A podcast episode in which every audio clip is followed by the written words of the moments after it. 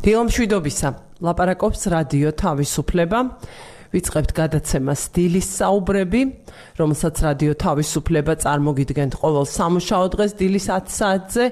ჩვენი ეთერი გადის რადიო პალიტრის ეთერში, სადაც ახლა გვისმენთ FM 103.9-ზე და ასევე რადიო თავისუფლების ვებსაიტზე, რადიო თავისუფლება.ge, მარჯვენა ზედა კუთხეში ნახავთ რადიოს ბმულს და გადახვალთ იქ ნახავთ ჩვენს live streams. დღეს არის 4 შაბათი, რაც ნიშნავს იმას, რომ რადიო თავისუფლების დილის საუბრებში არის რონდელის სოფლიო რადარის დღე. 4 შაბათობით მიმოვიხილავთ ხოლმე სოფლიო ამბებს, სოფლიოში მნიშვნელოვან პროცესებს და ამ რუბრიკას რადიო თავისუფლება წარმოგიდგენთ რონდელის ფონდთან ერთად. მე ნინო გელაშვილი რადიო თავისუფლების ჟურნალისტი უძღვები ამ გადაცემას რონდელის ფონდის უფროს მკვლევარ ალექსი ბუკა პეტრიაშვილთან ერთად.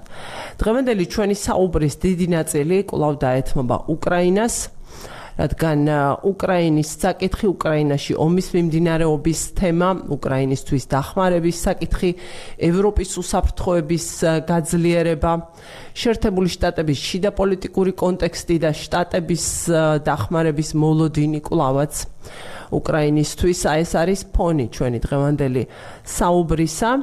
აა გამართა ორიოდე დღის წინ ევროპელ ლიდერთა სამიტი რომელიც გამართა საფრანგეთის პრეზიდენტის მოწვევით გაისმა არაერთი გზავნილი ზოგიერთი უფრო მკაფიო ზოგიერთი საკამათო რომელიც შეიქმნა განსაკუთრებით ეს განხილვის საგნად იქცა ის რომ საფრანგეთის პრეზიდენტმა არ გამორიცხა ოდესმე რაიმე ვითარებაში დასავლეთის სამხედროების შესვლა უკრაინაში, შემდეგ იყო სხვა ლიდერების მიერ უარყოფა, თუმცა ის რომ უკრაინას უნდა გაეწიოს დახმარება, რამდენ ხანსაც ეს საჭირო იქნება და რადაც უნდა დაჯდეს, ეს გაგება დასავლეთში ნამდვილად არის.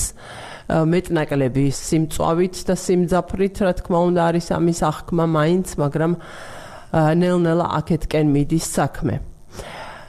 და უკრაინის პრეზიდენტი, როგორც ცნობილი არის, ჩავიდა, ცნობილი გახდა, ჩავიდა ალბანეთში, სადაც დღეს ის შეხვდება ალბანეთის პრემიერ-მინისტრს ედი რამას და სხვა ლიდერებს. ზელენსკი ტირანაში წუხელ ჩავიდა. ალბანეთის საგარეო საქმეთა მინისტრმა იგლი ჰასანიმ სოციალურ ქსელებში დაწერა რომ უკრაინის პრეზიდენტის ვიზიტი გადამწყვეტი მომენტია ორმხრივი კავშირების განმტკიცებისთვის და სოლიდარობის გამოსახატად უკრაინისადმი რომელიც რუსულ აგრესიას გმირულად ებრძვის. ალბანეთში ვიზიტამდე უკრაინის პრეზიდენტი იმყოფებოდა საუდის არაბეთში სადაც 27 თებერვალს შეხვდა ტახტის მემკვიდრე პრინც პრემიერ-მინისტრ მუჰამედ ბინ სალმანს უკრაინის პრეზიდენტის ოფისის ინფორმაციით განხილული იყო კიევის მშვიდობის ფორმულა. და ეს მშვიდობის ფორმულა ომის დასრულების გეგმა უკრაინის ხედვა ომის დასრულებისა 2022 წლის ნოემბერში წარუდგინა ვოლოდიმირ ზელენსკიმ დიდი ოცეულის ლიდერთა სამიტს და მას შემდეგ მიმდინარეობს მშვიდობის ფორმულის ასე ვთქვათ ამ ფორმულისთვის პარტნიორების შემომტკიცება. ეს იყო ერთ-ერთი კი არა და მთავარი ხაზი ლაიტმოტივი ვოლოდიმირ ზელენსკის ხანგრძლივი პრესკონფერენციისა, რომელიც 2 დღის წინ გამართა. სადაც მან უპასუხა პრაქტიკულად ყველა შეკითხვას ჟურნალისტებისა, მათ შორის რადიო თავისუფლების რადიო თავისუფალი ევროპა რადიო თავისუფლების პრეზიდენტის სტივენ კაპუსის ეთერ შეკითხვასაც ამას მოგვიანებით მიუბრუნდები. და მშვიდობის ფორმულა მოიცავს გაეროს წესდების შესრულებას, უკრაინის ტერიტორიული მთლიანობის და მსოფლიო წესრიგის აღდგენას, გულისხმობს უკრაინის ტერიტორიიდან მთელი ტერიტორიიდან რუსეთის ჯარების გაყვანას და საბრძოლო მოქმედებების შეწყვეტას, რადიაციულ ბირთვულ სასურსათო და ენერგეტიკულ უსაფრთხოებას, ტყვეების და დეპორტირებულების გათავისუფლებას, ეკოციდის აღკვეთას, ესკალაციის არდაშვებას და ომის დასრულების ფიქსაციას. ვოლოდიმირ ზელენსკი ჩქარობს. ჩქარობს ის აცხადებს, რომ ის არ აპირებს დაელოდოს პუტინი თავის გეგმებს როგორ სახავს და როგორ აპირებს ამის განხორციელებას და გაცილებით ადრე აპირებს და ფიქრობს რომ აიძულოს მან და აიძულონ მან და პარტნიორებმა უკრაინისა ვლადიმირ პუტინი რომ მან აღიაროს დამარცხება უკრაინის წინააღმდეგ ომში და ამისთვის პლატფორმასაც შევქმნითო განაცხადა ზელენსკიმ ზელენსკის პოზიცია და უკრაინის პოზიცია არის ის რომ უკრაინას არ გააჩნია ალტერნატივა. გარდა იმისა რომ იბრძოლოს არ გააჩნია ალტერნატივა გარდა იმისა რომ გამოიმარჯოს რადგან დამარცხების შემთხვევაში უკრაინა აღარ იარსებებს ეს პოზიცია ცნობილია ყველასთვის და აი როგორც მოგახსენეთ უკრაინის პრეზიდენტი არ კარგავს დროს ორმხრივი ორმხრივი ურთიერთობების ურთიერთობებში პირადად ჩართულო ჩართულიც არის არ კარგავს დროს იმისთვის რომ რაც კი შესაძლებელია შეერთებული შტატებიდან შეერაღების მოლოდინში რაც კი შესაძლებელია გამოიყენოს კლავ და კლავ უკრაინისთვის სამხედრო დახმარების მოსაძიებლად. მაშინ როცა ეს არის სასიცოცხლო მნიშვნელოვანი უკრაინისთვის და როგორც უკვე გითხარით, იყო ევროპელი ლიდერ ამ ფონზე იყო ევროპელი ლიდერების სამიტი, ძალიან მნიშვნელოვანი სამიტი, მნიშვნელოვანი თავისი შედეგებითაც და გზავნილებით უფრო, რომლე და იმ თემების და კონკრეტულად აი იმ საკითხის რაც შეეხება სამხედროების ჩართვას უკრაინაში ომში, ამ საკითხის მოსინჯვისთვის შეიძლება ასეც თქვა. მივესალმები ამ რუბრიკის იდეის ავტორს თანაწამყვან ამას ოთხშაბათის დილის საუბრებისა ალექსი ბუკაპეტრიაშვილს რონდელის ფონდის უფროს მკვლევარ დილამ შვიდობისა დილამ შვიდობის ნინო მაგისალმები მივესალმები ჩვენს მსმენელებს. იმატებს იმატებს სისწრაფე რომ იტყვიან რაც გასაკვირი არ არის. ცხადია ის რომ უკრაინისტვის დროს აქვს ყველაზე დიდი ფასი ახლა ეს. ნათელია მაგრამ როგორც ჩანს ნელ-ნელა იმატებს იმის გაგებაც ევროპაში რომ ევროპა ევროპისთვისაც დრო ძალიან ძალიან ჭიდროვდება. ყველაზე მნიშვნელოვანი ამ ბოლო დღეების განმავლობაში იყო ის ჩემი აზრით არის ის რომ ევროპა უფრო მეტად იღებს თავის თავზე პასუხისგებლობას ევროპის უსაფრთხოებაზე, უკრაინის გამარჯვებაზე და ზოგადად რუსეთის წინააღმდეგობის, რუსეთთან წინააღმდეგობის გაძლიერებაზე. თავისთავად, რა თქმა უნდა, ძალიან მნიშვნელოვანი იყო საფრანგეთში, პარიზში ლიდერების შეკრება, რა თქმა უნდა, ძალიან მნიშვნელოვანი იყო ყველა ეს გზავნილები, რომელიც გახმიანდა გულწრფელად ვიტყვი რომ ჩვენს დიპლომატიურ ენაზე და ამ შემთხვევაში შეკითხვა, როდესაც დაისვა რომ არის თუ არა მზად ნატო და ევროპული ქვეყნები ჩაერთოს ცოცხალი ძალით გამორიცხული არაფერი არ არის ეს ძალიან განზოგადებული არის. რეალურად მე გულწრფელად რომ გითხრა ძალიან შორს ვარ იმ აზრისგან რომ თუ ომი არ გადავა და დიდი იმედი მაქვს რომ არ გადავა და არ მივა საქმე მაგამდე ნატოს და ევროპული კავშირის წევრი ქვეყნების ტერიტორიებამდე ტერიტორიებზე ნატოს წევრი ქვეყნების შეერაღებული ძალების ჩართვა მოსალოდნელი არ არის მაგრამ წამოცდენა იყო არ არის არა არა წამოცდენა არ იყო მაკრონი საფრანგეთის პრეზიდენტია ლიდერობა აქვს ხელში აღებული ობიექტურად უნდა ვთქვათ რეალურად რომ შოლცის გერმანიის კანცლერის კვალობაზე ახლა მაკრონი ცდილობს რომ ევროპის ლიდერის ასე ვთქვათ პოლიტიკის განსაზღვრელი ლიდერის პოზიციონირება მოახდინოს. აჰა მაგრამ არ არის ასე მარტივად ნატომ უარყო კიდეც. ცოტა მოგვიანებით არ არ დაადასტურა რომ რეალურად რაიმე მზაობა არის და რაიმე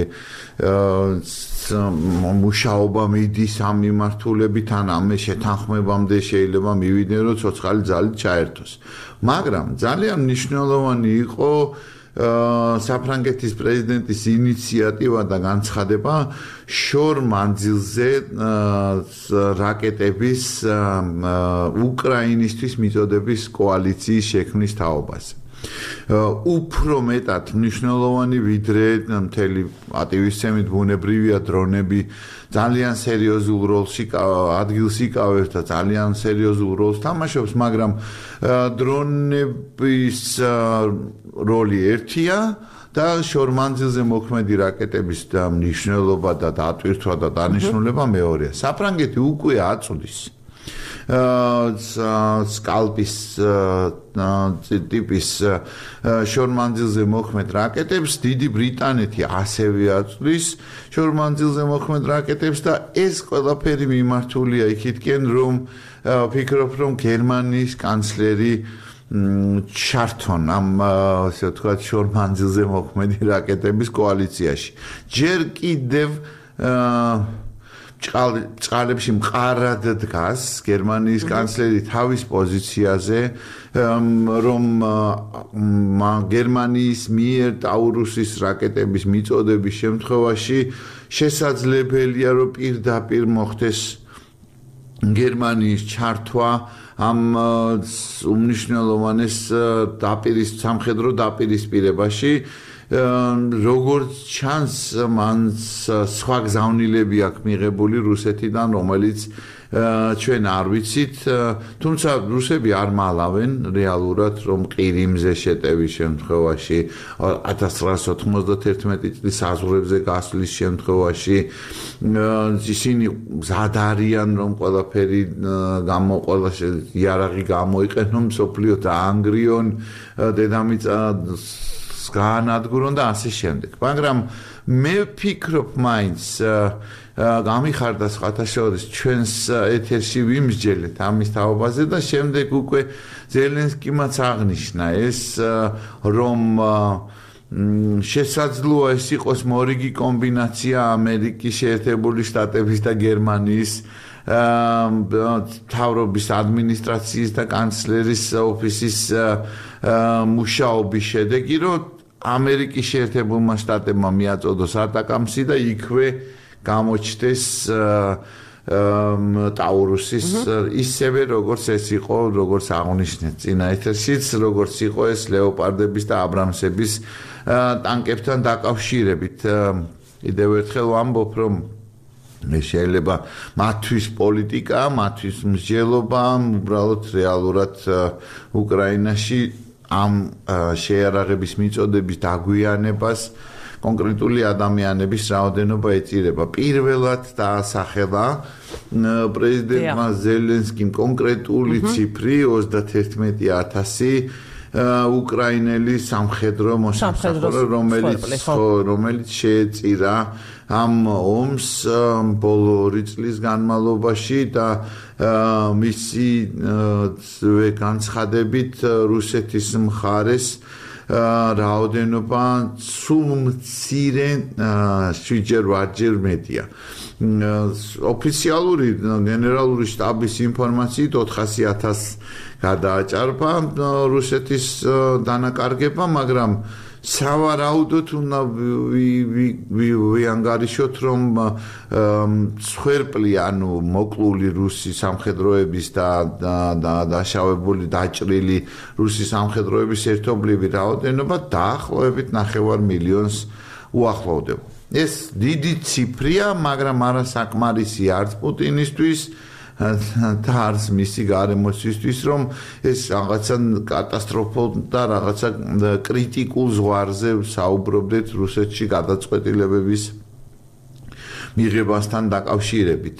ყველაზე მთავარი და მნიშვნელოვანი იქნება ზელენსკიმ ძალიან გულწრფელად თქვა მართლაც რომ თუ არ იქნება ეს დახმარება რუსეთიც ემზადება მაის-ივნისის პერიოდისთვის მასშტაბური შეტევისთვის და უკრაინაც ემზადება მასშტაბური შეტევისთვის და თუ არ იქნება კონკრეტული დახმარება შეტევისთვის მზადებიდან ისინი გადავლენ თავდაცვის რეჟიმში ესე ვთქვათ გამაგრებისთვის რომ მოიგერიონ რუსული შეტევა. რაზეც ასევე ილაპარაკა ზელენსკიმ რას ნიშნავს ეს? დიახ, რა თქმა უნდა, ასევე მან ისაუბრა იმაზე, რომ ძალიან საინტერესო მინიშნება გააკეთა სხვათა შორის, რომ ახლა თუ შეტევაზე იქნება საუბარი და მუშაობა მიმართულებით, რამდენიმე გეგმა დაიდება, იმიტომ რომ წინა კონტრიერიშის გეგმები ცნობილი იყო და დეტალები ცნობილი იყო რუსული მხარისთვის. რუსული სადაზვერო სამსახურების როგორც ჩანს ამ მიმართულებით გარკვეულ შედეგებს აღწევენ, წარმატებით მუშაობენ და ზელენსკი თქვა, რომ შემდეგი დაგეგმარება ისეთი იქნება, რომ მოულოდნელი იყოს და ინფორმაციას ვერ ფლობდეს მოწინააღმდეგე მხარე. მან ძალიან მისთვის დამახასიათებელი ცხადია შეინარჩუნა ეს იუმორის ცნობა და სატელეფონო კომუნიკაციაზე საუბარი პუტინთან შესაძლებლობაზე ძალიან ისეთი სწრაფი პასუხი გასცა იუმორით გაჯერებული, მაგრამ რეალურად მისთვის ოფიციალური პოზიცია მართლაც ის არის, რომ მკვლელთან ტერორისტთან რეალურად საუბარი წარმოუდგენელია. ხო, რაზე უნდა ველაპარაკო? რაზე უნდა ველაპარაკო მე მას, როდესაც ის ყოველდღიურად კლავს პუტინიც არავითარ დემონსტრირებას არ ახდენს. რეალურად არავითარ დემონსტრირებას არ ახდენს, რომ აი ხო რაღაცა რაღაცა იყო, რაღაცა მიმართულები ჩვენ შედეგებს მიმაღწიეთ და ახლა დრო არის მართლა რომ ის მზად არის და პირიქით. უფრო მეტად წევს თამასას რომ უკრაინა მთლიანად უნდა მიიღოს რომ ოდესა რუსული ქალაქია, რომ კიევი არასდროს არ ყოფილა და საერთოდ უკრაინელები როგორც ასეთი არ არსებობდნენ და მაგრამ იმავე ინტერვიუში რომელიც აი ახლა რაზეც ლაპარაკობ ამით იყო სწორედ გაჯერებული მან არაერთხელ თქვა რომ რუსეთი ყოველთვის მზად იყო და მზად არის ლაპარაკი კი ამას ერთი წინადადებით აფენს. ხო. რა თქმა უნდა ამას ერთი წინადადებით აფენს მაგრამ მისი მიზნები ძალიან ცხადია, მისი არ მოხდება ისე, რომ აი ეხლა სადაც არის რუსული საოკუპაციო ძალები უკრაინის ტერიტორიაზე, იქ გაჩერდეს, იქ შეწყვიტოს წინსვლა და რაღაცა მიმართულებით აღარავითარი პროგრესი არ კონდეს პუტინი. არ დაკმაყოფილდება ამით, იმიტომ რომ ის მაინც ამით ცხოვრობს. მისი პოლიტიკური დღის წესრიგიც, მისი ხანგრძლივობაც, მისი ხელისუფლების სათავეში ყოფნის არის ძალიან მნიშვნელოვნად გადაბმული უკრაინაში მის ომის შედეგებთან. მან ძალიან კარგად იცის, ხუებზე ბევრად კარგად იცის რეალურად რა მდგომარეობა არის რუსეთში. რამდენად მხარდაჭერა რამდენად დიდია ამ ომის უფრო სწორედ რამდენად მცირია ამ ომის მიმართ. მიუხედავად იმისა, პუტინს უჭერენ ხარს თუ ოპოზიციურად განწყობილები არიან ომის მიმართ მხარდაჭერა არ არის. რატომ აკვეთავენ დაუყოვნებლივ ყველა მცდელობას, ყველა მეტნაკლებად ცნობილი ადამიანის განცხადების, რომ აი თითქოს რა არის ამაში განსაკუთრებული და ცუდი, ხო, რომ არ სურთ ომი, არ სურთ მათამკვლელი ომი, არ სურთ რომ იღუპებოდნენ უკრაინელები, იღუპებოდნენ რუსები. იქვე ხდება რეაგირება სისტემის მხრიდან, რუსული სისტემის მხრიდან, იმიტომ რომ ეს ომის მანქანა უნდა მუშაობდეს. ეს ომის მანქანა ამუშავებს რუსეთის ეკონომიკას. აა რეალურად მართლა ამუშავებს რუსეთის ეკონომიკას, იმიტომ რომ თელი მნიშვნელოვანი სახსრები მიმართული არის რუსეთის ეკონომიკაში, სწორედაც რომ საომარ ეკონომიკაზე, ჭურვების წარმოებაზე, შეძენაზე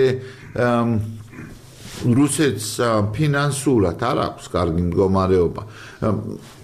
აგოს კონტრარგუმენტად ყოველთვის ამბობენ ხოლმე, რა თქმა უნდა, რომ ძლებს კი, ძლებს ნამდვილად, მაგრამ ომისთვის ყოფნის. ომისთვის ყოფნის, ი ნამდვილად ომისთვის ყოფნის, უბრალოდ თუ დავაკვირდებით ბოლო ინფორმაციებს, ცნობებს, მოვლენების განვითარებას, რუსეთის მხარე თვითონ ადასტურებს, რომ ჩინეთთან აწარმოებს მოლაპარაკებებს დიდი მსხვილი სესხის მიღების თაობაზე, კრედიტის მიღების თაობაზე. რუსეთის მხარე თვითონ ადასტურებს, რომ არის პრობლემები ანგარის სწორებაში ჩინეთთან, ჩინურ ბანკებთან, თურქულ ბანკებთან, ემირატების ბანკებთან და ასე შემდეგ. ანუ ისე კომფორტულად არ არის ეს ყველაფერი. ევროპული ბაზარი ფაქტიურად ნოლთან არა, მაგრამ ძალიან სერიოზულად დაეცა გაზის და ნავთობის გაყიდვის თვალსაზრისით, ექსპორტის მონაცემები შემცირდა. ანუ რისი თქვა მინდა? რუსეთი სულდგმულობს რუსეთმა შეძლო ეს გადაწყობა და მინუსში წასვლის მაგივრად პლუსიც კი დააფიქსირა ეკონომიკური ზრდის თვალსაზრისით, მაგრამ ეს ყველაფერი არის ომში, ომის ეკონომიკაში ინვესტირებული თანხების ხარჯზე. რაიმე ცვლილება ამ კუთხით, რომ ამანზე გავლენა იქონიოს რუსეთის ომის მანქანაზე და ასე ვთქვათ, მის ენთუზიაზმზე პუტინისა უკრაინის ტერიტორიაზე აბსოლუტურად არავინ მოელოდება განსაკუთრებით ამ გაზაფხულზე, ზაფხულში, ასე მალე ხო თვეებში. აა არადა ზელენსკი ლაპარაკობს სწორედ იმაზე, რომ სწორედ გაზაფხულზე არის მნიშვნელოვანი, რომ უკრაინას კონდეს კონდეს შესაბამისი ადეკვატური რესურსი და სხვათა შორის ის იმ პრესკონფერენციაზე ძალიან ხო ასე ჩათვალა საჭირო ცხადია არც მას წამოსწდებოდა ზედმეტი.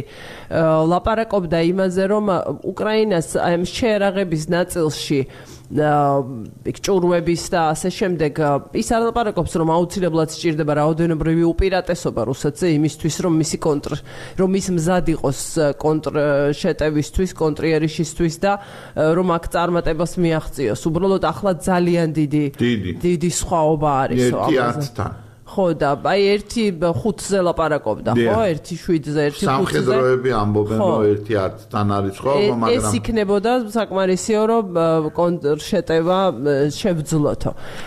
და ამ ვითარებაში ამის პარალელურად ის აი ხა გადაცემის დასაწყისშიც თქვი ის არის ახლა უკვე ალბანეთში ვიცით? ძალიან ძალიან გააქტიურებულია ორმხრივი ურთიერთობების მიმართულებით და ის აცხადებს რომ აი ეს სამიტი მშვიდობის გლობალური სამიტი ეს პირველი გამშვები ასე ვთქვათ სამიტი ამ მიმართულებით სწორედაც ძალიან სასურველია და მნიშვნელოვანია გაზაფხულზევე ჩატარდეს იმისთვის რომ იმ ფონზე როცა არის ამდენი არჩევნები არჩევნების წელიწადია ვიცით.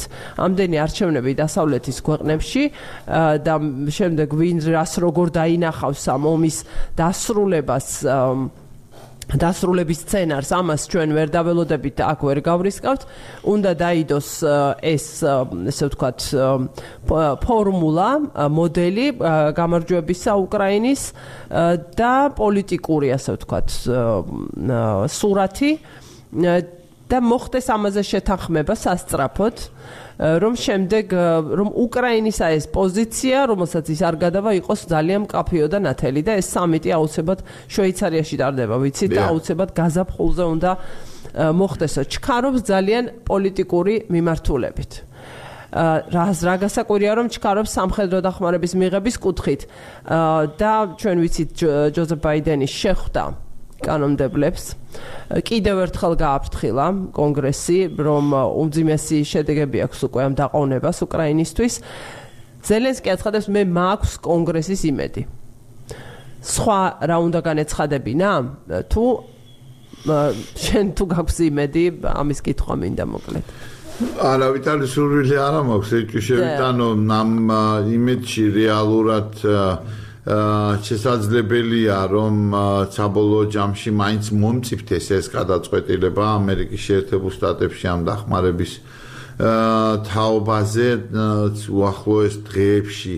თუ არ ვწდები ხვალ როგორც პრეზიდენტი ბაიდენი ისე პრეზიდენტობის კანდიდატი დონალდ ტრამპი აპირებენ სამხრეთ საზღვარზე ამერიკის შეერთებული შტატების სამხრეთ საზღვარზე ასე ჩასვლას იქ მდგომარეობის ადგილზე შესწავლას ეს ძალიან მნიშვნელოვანი თემა არის რომელიც განსაზღვრავს რეალურად ამ საერთო გადაწყვეტილებას მაგრამ მე საერთოდ არ მიკვირს რომ პრეზიდენტი ზელენსკი ჩქარობს ამ ფორუმის ჩატარებას.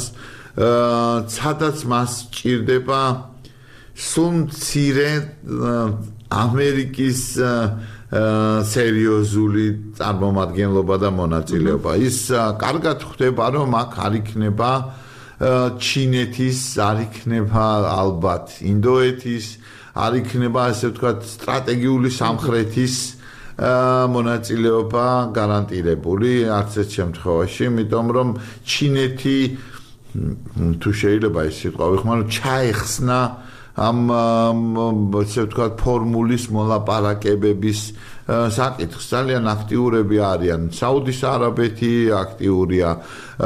სპარსეთის ყური სხვა ქვეყნები თურქეთიც აქტიურობს თავის მხრივ მაგრამ არ არის ესეთი საყოველთაო მხარდაჭერა და ძალიან რაც საციცოცხლოდ მნიშვნელოვანია პრეზიდენტ ზელენსკისთვის რომ მან მიიღოს ისეთი ქვეყნების მხარდაჭერაც რომელიც მაგალითად არ უერთდება სანქციებს არ უკან მოუხედავად არ აკრიტიკებს რუსეთს მაგრამ აღიარებს და ცნობს უკრაინის ტერიტორიულ მთლიანობას და სუვერენიტეტს. აი ამ ქვეყნების თანამონაწილეობას არ გამოდის. გულწრფელად რომ თქვა პოლიტიკურზე უფრო მეტად სამხედრო დახმარების თვალსაზრისით აქვს რეალურად მნიშვნელობა იმ ყველა ორმხრივი უსაფრთხოების გარანტიების შეთანხმებებს, რომელსაც პრეზიდენტი ზელენსკი აწერს ხელს პარტნიორ ქვეყნებთან ახლა ვნახეთ ჩვენ ხომ? რომ კანადის პრემიერ-მინისტრი იყო ჩასული, დანიის პრემიერ-მინისტრი იყო ჩასული, იტალიის პრემიერ-მინისტრი და ევროპული კომისიის პრეზიდენტი იყვნენ ჩასულები ორი წლის თავის აღნიშნის დღეზე და შემდგომ პრეზიდენტმა ზელენსკიმ ხელი მოაწერა თავის მოკავშირეებთან, პარტნიორებთან უსაფრთხოების გარანტიების შეთანხმებებს.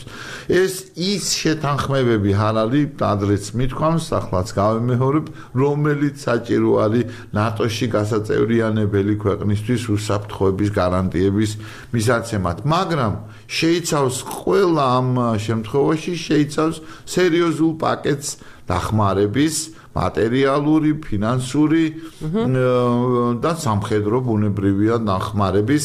ძალიან მნიშვნელოვანია და ძალიან კარგია რომ თვითონ უკრაინაც ზრდის წარმოებას, ზრდის როგორც ჭურვების, ისე დრონების წარმოებას, სხვათა შორის ოფიციალური კიევის ცნობი და ინფორმაციით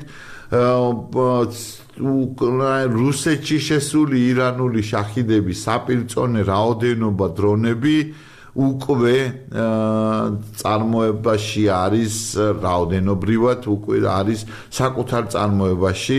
უკრაინის ეს ძალიან მნიშვნელოვანია მონებრივია მაგრამ ფრონტის ხაზის შესანარჩუნებლად სულ მცირე ფრონტის ხაზის შესანარჩუნებლად არის ჭურვების აუცილებლობა ამაზეც არაერთხელ ვისაუბრეთ. რეალურად მიდის ახლა გააქტიურებული მუშაობა კარგია ეს ევროპის შეჯანჯღარების თვალსაზრისით გააქტიურებული მუშაობა რომ თანხები მოიძიონ საფრანგეთი ამ წინადადებას დავასრულებ და გაუშვათ რეკლამა საფრანგეთის პრეზიდენტმაც კი მაკრონმაც აი ამ შეკრებაზე ევროპულ ლიდერებთან ერთად განაცხადა რომ მას აღარა აქვს შეზღუდვა და შეფერხება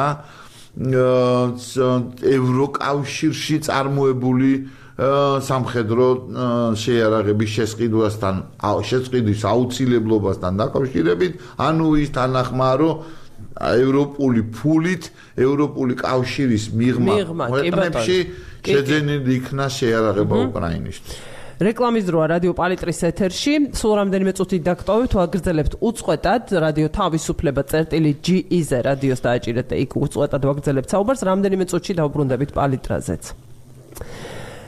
აა ნიშნულოვან საკითხად რჩება ამ სიტუაციაში. ხო, სხვათა შორის შეერაღებაზე რადგან თქვი და ამ შეზღუდვა არ შეზღუდვაზე და ასე ვთქვათ და ვლაპარაკობთ ისევ იმ ფონზე სამწუხაროდ როცა კონგრესი კვლავაც ვერ იღებს გადაწყვეტილებას არ იღებს გადაწყვეტილებას თუ როგორც არის უკრაინისტვის სამხედრო დახმარებაზე. ვოლოდიმირ ზელენსკიმ და მე ძალიან მეეჭობა ამისი ახსნა. ამერიკელ კანონმდებლებს სჭირდებოდეთ და არიწოდნენ შესაძლოა ეს არიწოდეს რომელიმე მოქალაქემ ამერიკის ან ამერიკის მოქალაქეების შეიძლება მნიშვნელოვანმა ნაწილმაც რომ ამ დახმარების 60 მილიარდი დოლარის დახმარების უდიდესი ნაწილი ფინანსურად, ეკონომიკურად რჩება შტატებში. და ზელენსკიმ ეს კიდევ ერთხელ განმარტა პრესკონფერენციაზე, ყველამ უნდა იცოდეს, რომ აქ არ არის ლაპარაკი, რომ ეს ამხელა ფული გამოედინება და უკრაინის ესე ვთქვათ, ან სხვა ქვეყნების ეკონომიკებში წავა, ეს უდიდესი ნაწილი დარჩება სწორედაც შტატების ეკონომიკაში. ჩვენ გვჭირდება იარაღი.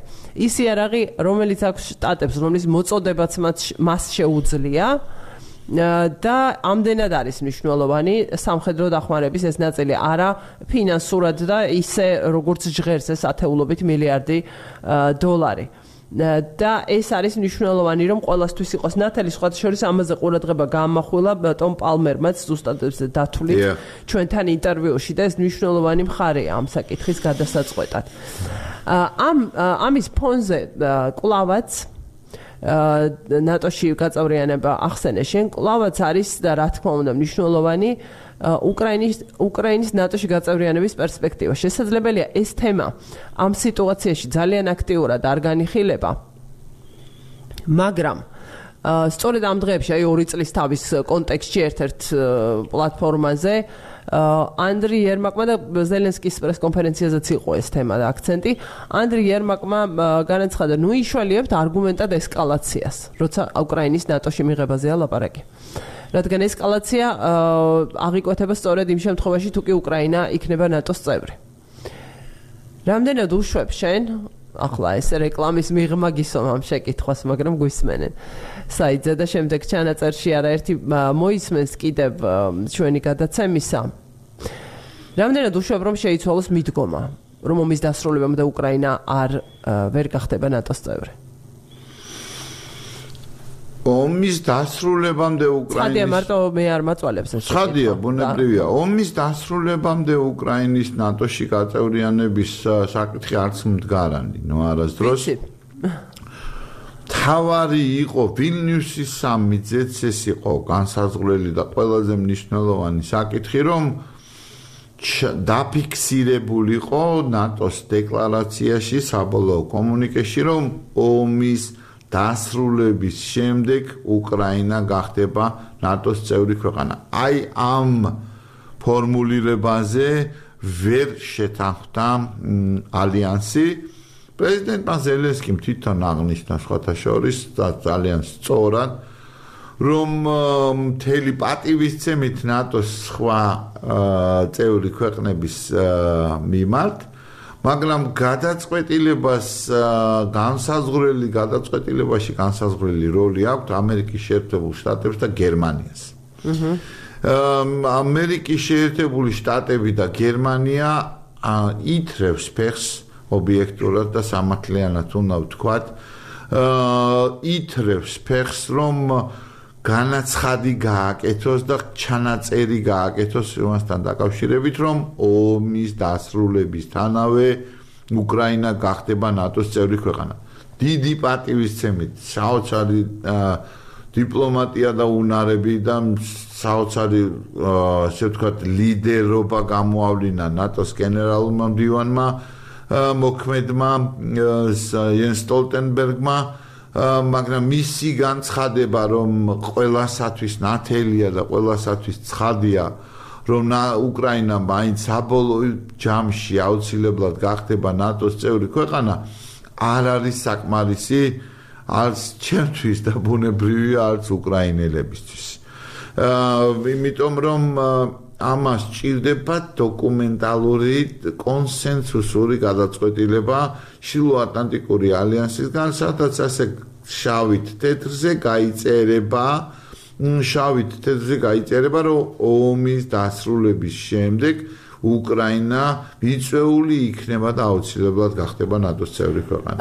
რადიო პალიტრის ეთერში ვართ კლავ რეკლამის შემდეგ, ვინც ახლა შემოგვერთით, გეტყვით რომ რადიო თავისუფლების დილის საუბრებს უსმენთ 4 შაბათობით დილის საუბრებში. რონდელის მსოფლიო რადარის დღეა, რაც ნიშნავს რომ რადიო თავისუფლება რონდელის ფონდთან და მის უფროს მკვლევარ ალექსი ბუკა პეტრიაშვილთან ერთად წარმოგიდგენთ საერთაშორისო მსოფლიო მნიშვნელოვანი ამბების პროცესების მოვლენების ანალიზს და იქნებ უკეთესიც არის რომ ეს არ ჩაიწერა. დიახ. პერსპექტივაში ვინაიდან ეს კიდე უფრო ღიას ტოვებს დასაშვებს და უფრო ღიას ხდის იმ საკითხს რომ ომის დასრულებამდეც შესაძლებელი იყოს ასეთი ნაბიჯის გადადგმა. ამ სცენარს გამორიცხავ და გადავიდეთ შემდეგს. უბრალოდ დავტოვოთ ეთერში. არ მინდა რომ გადაჭრით თქვა ასე რომ გამორიცხავ, მაგრამ ალბათობა ძალიან დაბალია. მესმის რეალურად რეალურად ნატოს წევრი ქვეყნების ალბათ მნიშვნელოვანი ნაწილი არ არის მზად იმისთვის რომ ომში მყოფი ქვეყანა მიიღოს აა სტილო ატლანტიკურ ალიანსში იმავე მეხუთე მუხლის გათვალისწინებით, იმიტომ რომ მაშინ ფსონზე ჩამოვა ალიანსის პასუხისგებლიანობა და ალიანსის თვითონ ღირებულება, იმიტომ რომ თუ მან დაუძახა მიიწვია უკრაინა ომში მყოფი უკრაინა ნატოში ამ შემთხვევაში რეალურად ომის გაგრძელების შემთხვევაში ომის მიმდინარეობის შემთხვევაში მართლა მოუწევს სილოატლანტიკურ ალიანს საკუთარი სამხედროების გაგზავნა. ამისთვის მზად არ არის არც მოქმედი ადმინისტრაცია, არც მით უმეტეს მომავალი შესაძლო ადმინისტრაცია და არც ევროპის ევროპის ქვეყნები არ მის აკაც იყო შეხსენება ხო ზელენსკისგან ხო ნათელია რომ ანუ დასავლეთის თქვენი მოქალაქეები არ არიან არაერთხელ ყოფილა ეს. მზად ბრძოლისთვის და ამიტომ მოგვეცი ჩვენი არაყი ჩვენ მიბრძვით და ეს ყოველთვის ნათელი არის ეს სიტუაცია მაგრამ როგორც ხედავთ აი აკაც ამ ვითარებაშიც მაინც არ არ ხდება ესეთი ნატოს ადეკვატური სიჩქარით და სიჩქარით. უფრო სწრაფად და უფრო მეტი. ეს მაკრონის ეს გზავნილი იყო მე მგონი მნიშვნელოვანი და ნატოს ნატოს სამით SMS-ებზე გადავალ ბრძანე. ნატოს სამით რაც შეეხება. აა ახლა რასაც ვაკვირდებით ვილნიუსის გასული წლის ვილნიუსის სამიტისგან განსხვავებით ეს გზავნილები უკრაინის მხრიდანაც ტემპერატურა დაწეულია, იმიტომ რომ ყველამ დაიწვა ხელები მაშინ.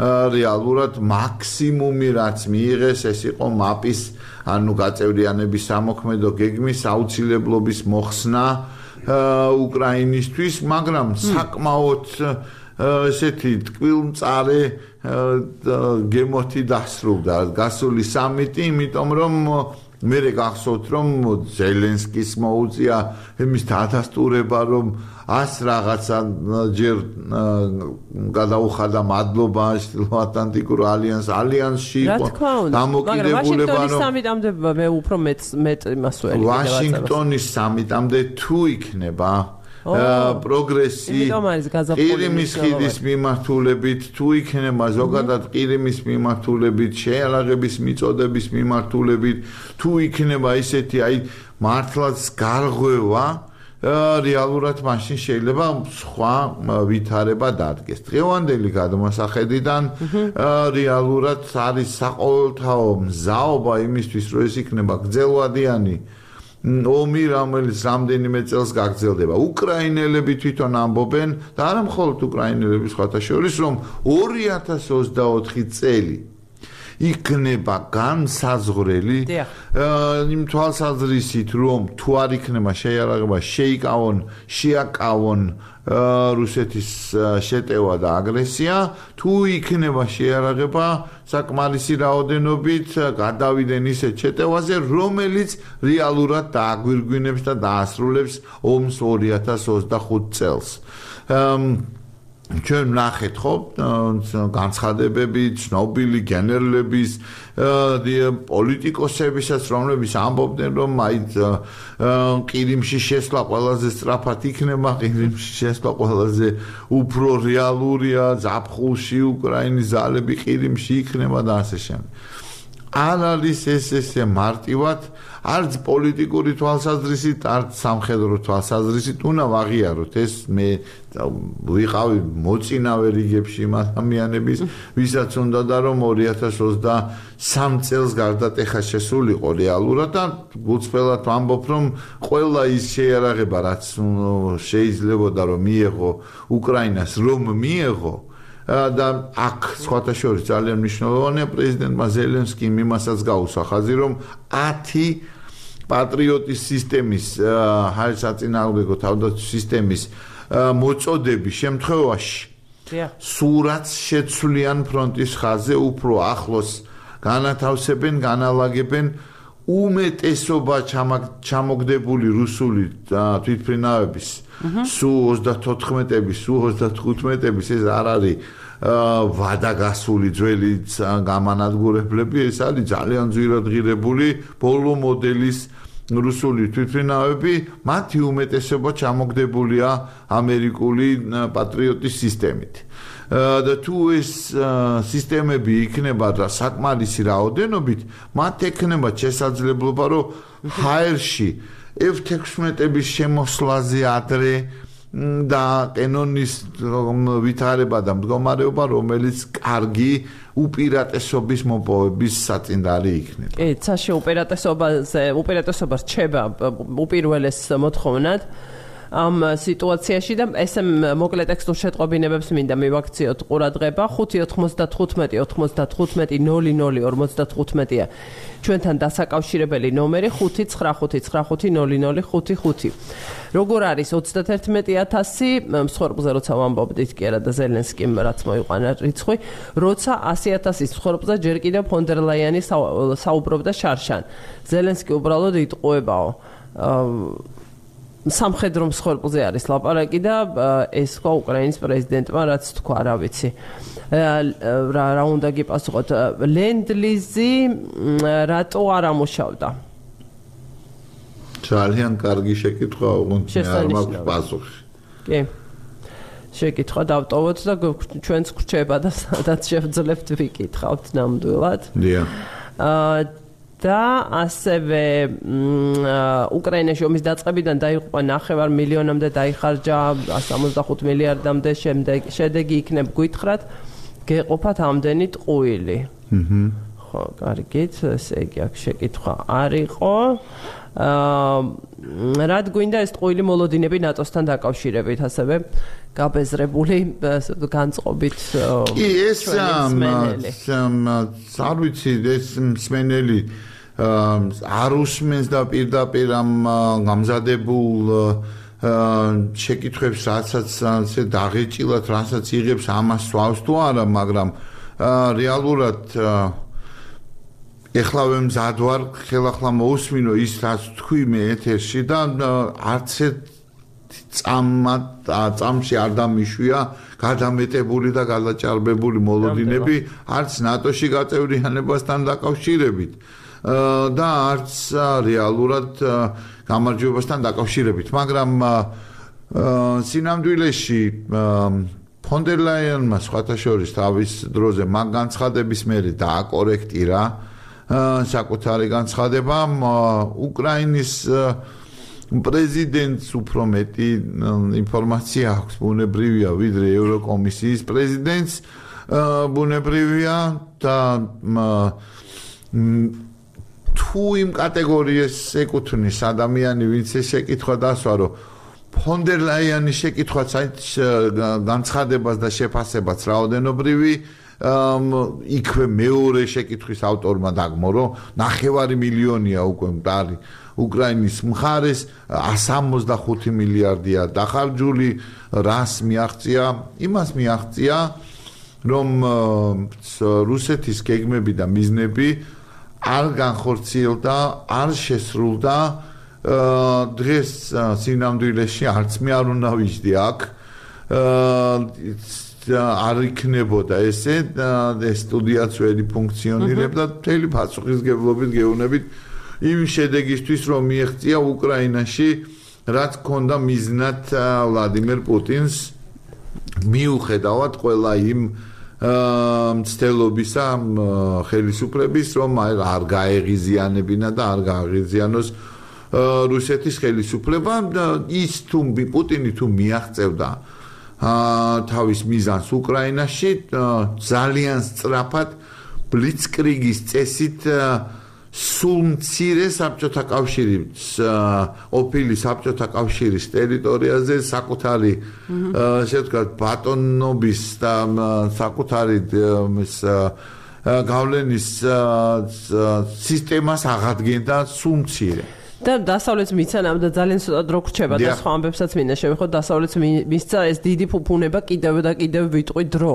დრო რომელსაც ყველაზე ყველაზე მეტი ფასი აქვს ახლა ყველასთვის დრო და ფუფუნება ვამატებამ სიტყვას რომ იმსჯელონ და ასე ვთქვათ კიდევ ამაში გამოიყენონ დრო ვინ ვინ საით და ვინ ამდენად მყარად სად დგას და ასე შემდეგ. და ერთი წინანდადები დავამატებ ნინო ვიცი რომ დრო შეზღუდროში შეზღუდრები ვართ მაგრამ აღარ დარჩა რეალურად თავრობების დაზვერვების ხელმძღვანელი პირები რომელიც არ საუბრობდეს რუსეთის შემდგომი შესაძლო აგრესიის ნაბიჯებს.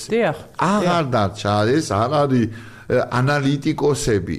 ეს არ არის და არა მარტო უკვე სამხედრო მაღალჩინოსნები ეს არ არის ექსპერტები რომლებიც ამას ლაპარაკობენ ამ ხალხს აქვს თავისი ძალიან სერიოზული საიმ ესე ვთქვათ ანალიტიკურ ინფორმაციაზე და კონკრეტულ ინფორმაციაზე დაყრდნობით მათი პუტინის გეგმების შესახებ ინფორმაცია და ყველა საუბრობს იმაზე რომ სამი 5-7 წლის განმავლობაში უკრაინის წარუმატებლობის შემთხვევაში აუცილებლად მოუწევს ალიანს და ევროპას და ევროატლანტიკურ თანამეგობრობას ბრძოლა უშუალოდ ჩართვა პუტინთან ომში. ის აუცილებლად წავაწინ, არ გაჩერდება უკრაინაში არ გაჩერდება არც ყოფილ საბჭოთა კავშირის სივრცეში და აუცილებლად წავაწინ მოქმედი ნატოს წევრი სახელმწიფოების მიმართულებით. გულისხმობს ბუნებრივია ბალტიის ქვეყნებს გულისხმობს ბუნებრივია პოლონეთს და ასე შემდეგ. აა და ვიდრე ვიდრე ეს რეალობა დადგება შვედეთმა წაიწია წინ ნატოსკენ აა მას შემდეგ რაც ხელი მოეწერა უნგრეთთან, შვედეთსა და უნგრეთს შორის თავდაცვის სფეროში შეთანხმებას აა და პრაქტიკულად აღარაფერი უდგას ფორმალობების გარდა წინ შვედეთის ნატოს სრულუფლებიან წევრად გაფორმებას. დიახ. აა მინდა რომ ამაზე აუცილებლად თქვა, რადგან მსმენელის ინტერესიც არის, ამაზეც მოიწერა აგერ მსმენელმა, სწორედ უნგრეთის კონტექსტზე. და რა რაღაცნაირად ფინეთის ამბავი უფრო ისეთი ყურადღების ცენტრში იყო, იყო ახლა ისეთ ფონზე ხდება შვედეთის შესვლა, რომ ისეთი გამოხმაურება არ ყოფილა აქტიური. ამიტომ კიდევ უფრო მაინტერესებს შენი. ძალიან შენი სიტყვა. ძალიან გაიწელა შვედეთის ამბავი. ეს ორივე თურქეთმანს და ბოდიში 6 წუთი გრჩება სულ და ახლა აღმოსავლეთ თურქეთმან თურქეთმანს და უნგრეთმანს ძალიან სარფიანად აა კარგი სიტყვა. სარფიანად გაცვალეს ეს გადაწყვეტილება. აა რეალურად ფორმალური გადაწყვეტილება ცინამდვილეში, მაგრამ მიიღეს ერთმანს და მეორემაც შეთანხმებები შეარაღებასთან დაკავშირებით თურქეთმა რაც არ უნდა ოფიციალურმა პირებმა უარყონ პირდაპირ ბმაშია თურქეთის მიერ F16-ების შესყიდვის საკითხი ამ გადაწყვეტილებასთან და უნგრეთმაც ასევე გააფორმა შვედეთთან როგორც აღნიშნე სამხედრო შეიარაღების შესყიდვის თაობაზე შეთანხმება. ძალიან დიდი და მნიშვნელოვანი შენაძენია მინდა გითხრა ნატოსთვის შვედეთის ეკონომიკურად ძლიერი, სამხედრო თვალსაზრისით ძალიან ძლიერი ქვეყნის ნატოში გაწევრიანება და ახლა კი არის ავიაგამანადგურებლებზე. ახლა არის ძალიან სერიოზული მსჯელობა შვედეთის პარლამენტშიც. იყო წინსწრებათ ინფორმაცია იმის თაობაზე, რომ შვედეთის პარლამენტშიც ოპოზიციური და მართველი ძალის წარმომადგენლები მსჯელობენ ნატოში გაწევრიანების თანავე უკრაინასთან მოლაპარაკების დაწყებაზე გრიპენების ძალიან სერიოზული სააბის მიერ წარმოებული ავიაგამანადგურებლების უკრაინისტვის მიწოდების თაობაზე. სხვათა შორის მაკრონის ბოლო აქტივობებთან ერთად ისევ წამოიწია ფრანგული მირაჟების, ანუ ფრანგული ავიაგამანადგურებლების უკრაინისტვის მიწოდების საკითხი არ უნდა დაგვავიწყდეს რომ F16-ები ისევ დღის წესრიგშია. მოკლედ ნატო ხდება 32 აა მისი შემადგენლობა ავიდა 32 წევრამდე, ძალიან მალე აფრიალდება უკვე შვედეთის დროშა ბრიუსელის შტაბ-ბინაში, ნატო შტაბ-ბინაში და ეს არის ძალიან სერიოზული აა გაძლიერება ჩtildeატლანტიკური ალიანსის. რაც არ უნდა ამტკიცოს ლავროვმაც და პუტინმაც რომ ეს ასე იყო de facto ბალტიის ზღვა გახდა ყველა საერთაშორისო შეფასებით ნატოს ტბა იმიტომ რომ მაიკ ყველაც მისი მოსაზღვრე ქვეყანა გახდა ნატოს წევრი სახელმწიფო. ორი ძალიან მსხვილი და დიდი თემაა და დრო ძალიან ცოტა არის ერთს ფაქტიურად შევეხეთ და ამერიკაში არჩევნები ყოველთვის გავიმეორებ და ამერიკაში არჩევნები განსაზღვრავს მსოფლიოს დღის წესრიგს დღევანდელი მდგომარეობით. რეალურად ტრამპი უკან მოუხედავად მიქრის წინ ასე ვთქვათ, რესპუბლიკური პარტიის კანდიდატობის საკმარისი რაოდენობის ხმების მოპოვებისკენ.